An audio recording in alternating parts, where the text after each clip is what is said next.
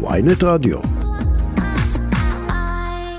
אנחנו uh, גם חוזרים לדרום ועוד ענייני חשמל, אלוף במילואים יפתח רון-טל, לשעבר מפקד זרוע היבשה, יושב ראש אה, דירקטוריון חברת חשמל, גם לשעבר שלום לך. שלום, בוקר טוב. אנחנו רוצים לדבר איתך על כמה נושאים, אז אנחנו נפתח באמת אה, באותו אירוע בדרום שגובה את חייהם של שלושה לוחמים. אה, מה הכשלים המרכזיים שאתה רואה באירוע הזה? יש לא מעט, אבל, אה, ובימים הקרובים אנחנו נדע יותר. אה, ועדיין כמפקד, כמי שהיה מפקד זרוע היבשה, אנחנו רואים זירה של מאות קילומטרים שאותה צריך לאבטח, שצה"ל עושה את זה, וברובה אירועים פליליים. כישלון אה, קשה ביותר עם תוצאות אה, נוראיות, אבל לאיזה כיוון שאנחנו לא מסתכלים, באמת זה כשל, איך אני אגדיר את זה, בכמה, בכמה רבדים. קודם כל ברמה הטקטית. לא יכול להיות שמחבל בודד אה, מפתיע ככה אה, חיילים בעמדה mm-hmm. והורג אותם, ולאחר מכן אה, מפתיע כוח, כוח התערבות שכל תכליתו היה ליצור מגע עם המחבל הזה. כולה מחבל בודד. זה דבר אחד, יצטרכו לתחקר את זה. שגרת הפעולה נראית מאוד מאוד בעייתית. עוד פעם, ברמה, ברמה הטקטית הכי בסיסית. אני לא מכיר בכל שנותיי אה, שמישהו שומר בעמדה או מאבטח עמדה 12 שעות. אין לזה שום סיכוי. זה לא הגיוני, זה לא מייצר רמת אה, ערנות וכוננות מינימלית שנדרשים על מנת, אה, קודם כל להגן על עצמך. אני כבר לא מדבר לעשות את שאר הדברים האחרים. גם ברמה האופרטיבית. אתה יודע מה מדהים אבל? ש, ששגרת הפעולה הזאת שתיארת, שהיא כל כך קלוקלת ב, ב, בעיני ה... לא צריך להיות אה, אה, אלוף במיל כמוך כדי לראות ששמירה של 12 שעות זה כנראה לא הדבר הכי אפקטיבי בגבול שהוא שקט בדרך כלל ו, ומשהו שם לא תקין והדברים האלה פורסמו כבר לפני חודשים שזו שגרת הפעולה וצה"ל אמר כן זה מה שצריך לעשות וכולם המשיכו כרגיל. בסדר, תשמע, זה נראה, בוא, זה נראה נורא כש, כששומעים על זה, אני אעשו את התחקיר וילמדו את זה. אבל גם ברמה האופרטיבית, ישי, אה, לא יכול להיות שמחבל בודד חובר בצורה, צריך לפתוח או לחתוך אה, שני חבקי פלסטיקה, איך קוראים לזה? הזיכונים, כן. הזיכונים בשביל לעבור את הגבול. Mm-hmm. ואם יש, יש נקודת תורפה, מישהו צריך להסתכל עליה. יש מצלמות, יש היום טכנולוגיות מפה עד אמריקה.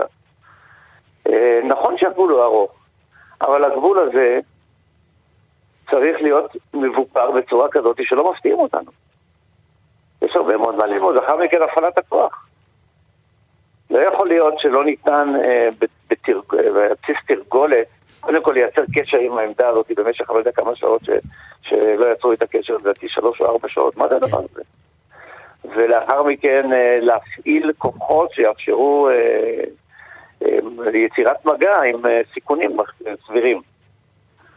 כלומר, ההחלטה לא של המפקדים בשטח לצאת, לחתור, כן? זה אנשים טובים ומאומנים, אבל השגרה הורגת. אני מניח שיעשו בדק בית, אני מאוד מקווה שלא יישארו ברמת הש"ג. אני מאוד מקווה. לא יכול להיות, בעיניי לפחות, עוד פעם, אני לא מכיר את כל הפרטים, זה כשל בכל הרמות. וואו. אגב, הבוקר בהארץ אה, מדווח יניב קובוביץ' שצוותים, כמה צוותים של ימ"מ המתינו שעתיים למסוק שהקפיץ אותם לזירה שבה הותר אה, אה, השוטר המצרי שירה למוות בליה בן נון ואורי אילוז. הזמן הטיסה מנקודת ההיערכות שהם חיכו בה על ציוד מלא הוא מוארך בכ-20 עד 40 דקות. אם המסוקים היו מגיעים, אז הם היו מגיעים לשם שעתיים לפני אוהד דהן, זיכרונו לברכה, שנפל בהיתקלות עם המחבל. ו, ופשוט המסוקים לא הגיעו למרות שמפקד חיל האוויר נתן הוראה שהם יכולים לצאת המסוקים. ההחלטה הקרדינלית הזו אה, לצאת ולחתור למגע אה, מול המחבל כדי למנוע אולי פגיעה במטיילים או במישהו יכול כי הוא התקדם היא החלטה נכונה או שהיה צריך לחכות לעזרה אווירית וגם לקחת בחשבון שהוא ודאי כבר תשוש ו, ולגדר את הסיכון כאן. המחבל הזה ראו אותו. לגדר תרתי משמע. ראה אותו אה, אה, אה, מזל"ט. זאת אומרת, כן. ידעו איפה הוא. אני לא חושב, אני חושב שההחלטה היא סבירה לצאת וליצור איתו מגע כדי שלא יהיה סיכון על, על נניח על אזרחים, בהנחה שמסתובבים שם אזרחים, או אפילו על בסיסי צה"ל, זה בסדר גמור. התוצאה לא יכולה להיות כזאת. התוצאה לא יכולה להיות כזאת, זה תוצאה, זה משהו שנשחק בתרגולות uh, שכולנו לא מלמדים הרבה מאוד שנים, ויצטרכו ללמוד את זה. נראה לי שאת הסיכום הבא תעשה גם לנושא הבא שנדבר איתו, רק להבדיל כמובן, הנושא של הפסקות החשמל. התוצאה שבשרב 300 אלף בתי אב היו ללא חשמל, מתבררת כאיזשהו קצר, אנחנו משתמשים בהרבה דימויים, בין חברת נוגה לבין חברת החשמל. אז אלה מאשימים את אלה, אה, בסוף מסתבר שהיה איזה מייל שהיה, שמישהו היה צריך לענות עליו כדי להפעיל את תחנת, אה, פח, תחנה פחמית ברוטנברג. טוב, אז ככה, קודם כל שרון, אה, כמו שאת יודעת על נושא החשמל והאנרגיה, אני יכול לדבר יומיים רצוף. אתה היית יושב ראש הדירקטוריון של חברת חשמל בשנים שבהן הרפורמה ממש הגיעה להבשלה. מה זה בשנים? במשך כעשר שנים. ואני תכף, בהתאם לזמן שיהיה לנו, אני אנסה להתייחס לנושא הגדול. כן, יש לנו עשר שנים. אוקיי, קודם כל, אני, אני מזה שנתיים לא יושב ראש החברה. מי החליף אותי, אתם יודעים? כן. לא, לא, לא, לא, בעצם שפיגלר, לא? יפה, שרון, האיסוף שלך במקום. לא החליפו אותי. נכון, אבל... אין יו"ר דירקטוריון. אין בחברה הגדולה ביותר במדינת ישראל, האחראית על אספקת התשתית החשובה ביותר במדינה מודרנית, אין לה בעל בית. במשך יותר משנתיים, בגלל פוליטיקה קטנה. זה בלתי נסבל, לא יכול להיות שחברה כזאת תיקח מנוהלת. ו... ממה שאני לא מבינה, יכול להיות שאתה תחליף את עצמך. אה, לא אני מחליט על זה. את שואלת אוקיי. אותי אם, את שואלת אותי אם, אה, אם, אה, אם זה סביר, זה, זה לא רק שזה לא סביר, זאת רשלנות, זה דבר אחד. והטענות של... זה לא נכון לממשלה הנוכחית. רשלנות של נכון מי? קודם כל לממשלה הקודמת. יש, יש ממשלה ויש שר שאחראי שר האנרגיה, במקרה הזה הייתה שרת האנרגיה, והיום שר האנרגיה אה, מטעם הליכוד. אבל מה אה, הפריע להם? מה הפריע לקארין אלהרר, או מה מפריע עכשיו לישראל כץ? אין לי מושג, תשאל אותם. תראיין אותם. נראה לך הגיוני אבל? לא. לא. זה דבר אחד. לגבי הרפורמה עצמה, הרפורמה, מי שתוקף את הרפורמה, או שהוא לא מבין ברפורמה, או שהוא שרלטן, או שאני לא יודע מה לחשוב עליו. רגע, מי שתוקף את הרפורמה, שנייה, מי שתוקף את הרפורמה בצורה מאוד אה, זה, הוא מאיר שפיגלר, מנכ"ל חברת החשמל. אז אתה אומר שהוא שרלטן ולא מבין? לא, לא אמרתי עליו, חס וחלילה. רק בודק. זה לא רק הוא, תראה, גם, גם מאיר, אני לא חושב שהוא תוקף את כל הרפורמה. אבל אני רוצה להסביר לך מאיפה היא נבעה. חברת החשמל לפני עשר שנים היא חברה לא במצוקה פיננסית, היא חברה שעומדת רגע לפני משבר פיננסי שהיה למעשה אה, לחסל את החברה במתכונתה הנוכחית. אה, יש לה חוב של כמעט 60 מיליארד שקלים. הרפורמה יצאה לדרך מתוך הבנה שאחרת החברה מתמוטטת מבחינה עסקית ופיננסית. זה היה נכון לפני עשר שנים. כשאני עזבתי את חברת החשמל, אה, ולמעשה, והרפורמה יצאה לדרך, החוב הפיננסי של החברה ירד מכ-60 מיליארד שקלים ל-30 מיליארד שקלים. זאת אומרת, החברה היא היום חברה יציבה פיננסית, צריך לשמור על זה. רגע, אבל מה שאומר, מה שאומר, מה שאמר אתמול מאיר שפיגלר... זה היה, זה היה, שנייה אחת, זה היה... אני מרים לך להנחתה, רק תנחית. מה שאמר אתמול מאיר שפיגלר הוא כך. הוא אמר, במסגרת הרפורמה הוציאו את הניהול של משק החשמל מחברת החשמל, והקימו חברה ממשלתית חדשה שקוראים לה נוגה.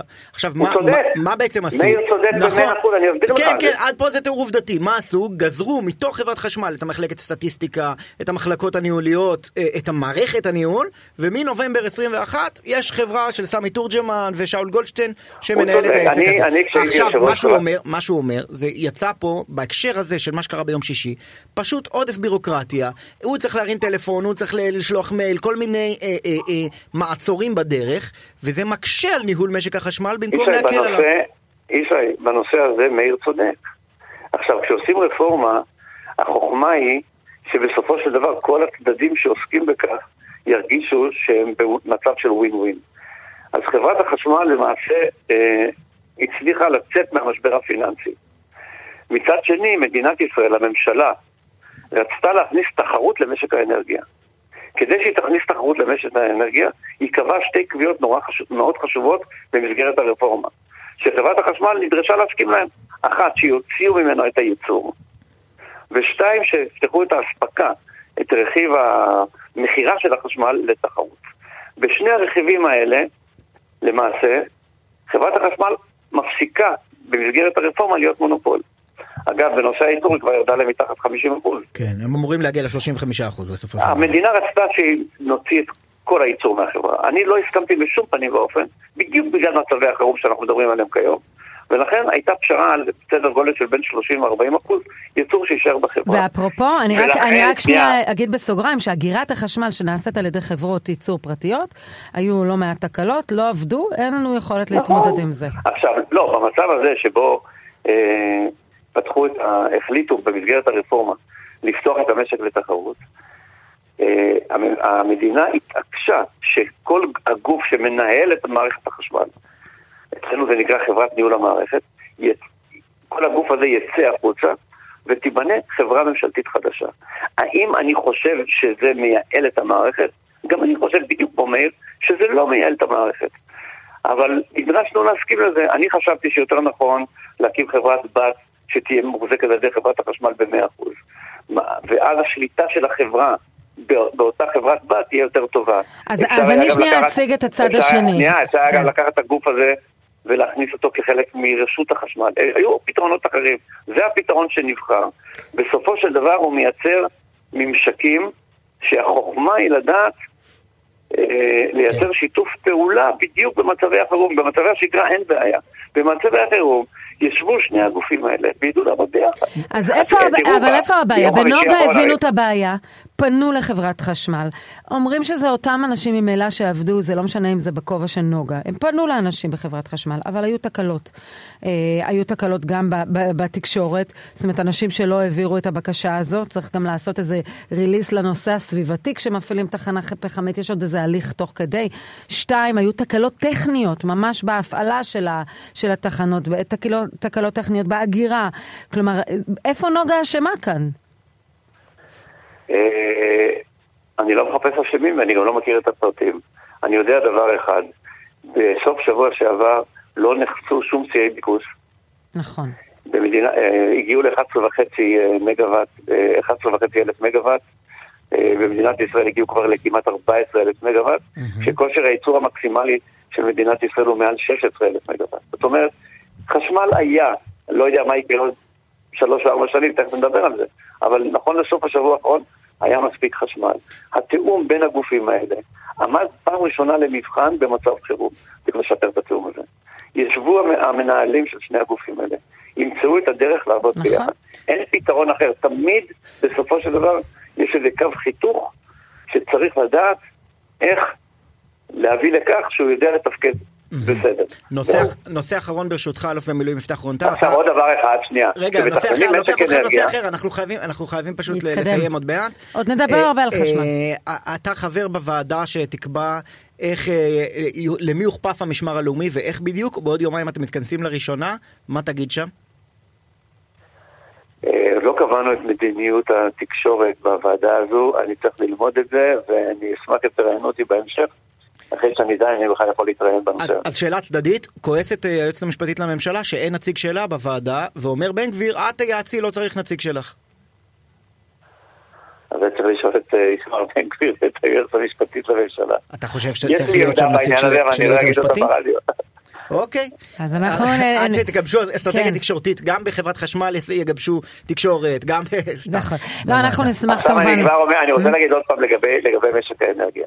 מדובר באנשים טובים, מאיר הוא מנהל, הוא מנכ"ל מצוין, וגולדשטיין הוא, מנכ"ל מצוין, ואני חושב שאם הם ישבו ביחד, הם ידעו למצוא את, את הדרך לשתף פעולה במצבי חירום. אין דרך אחרת לאחרי שהתקבלה ההחלטה, מה שנקרא יאללה סולחה. לפצל את ניהול המערכת מחברת החשמל. תודה רבה לך. האם זו החלטה אופטימלית למשק האנרגיה? אני חושב כמו מאיר שלא כל כך. אלוף במילואים יפתח רונטל, לשעבר מפקד זרוע היבשה ויושב ראש דירקטוריון חברת החשמל עד לפני שנתיים. אה, תפקיד שכרגע בלתי מאויש, תודה שדיברת איתנו. כל טוב, יום טוב.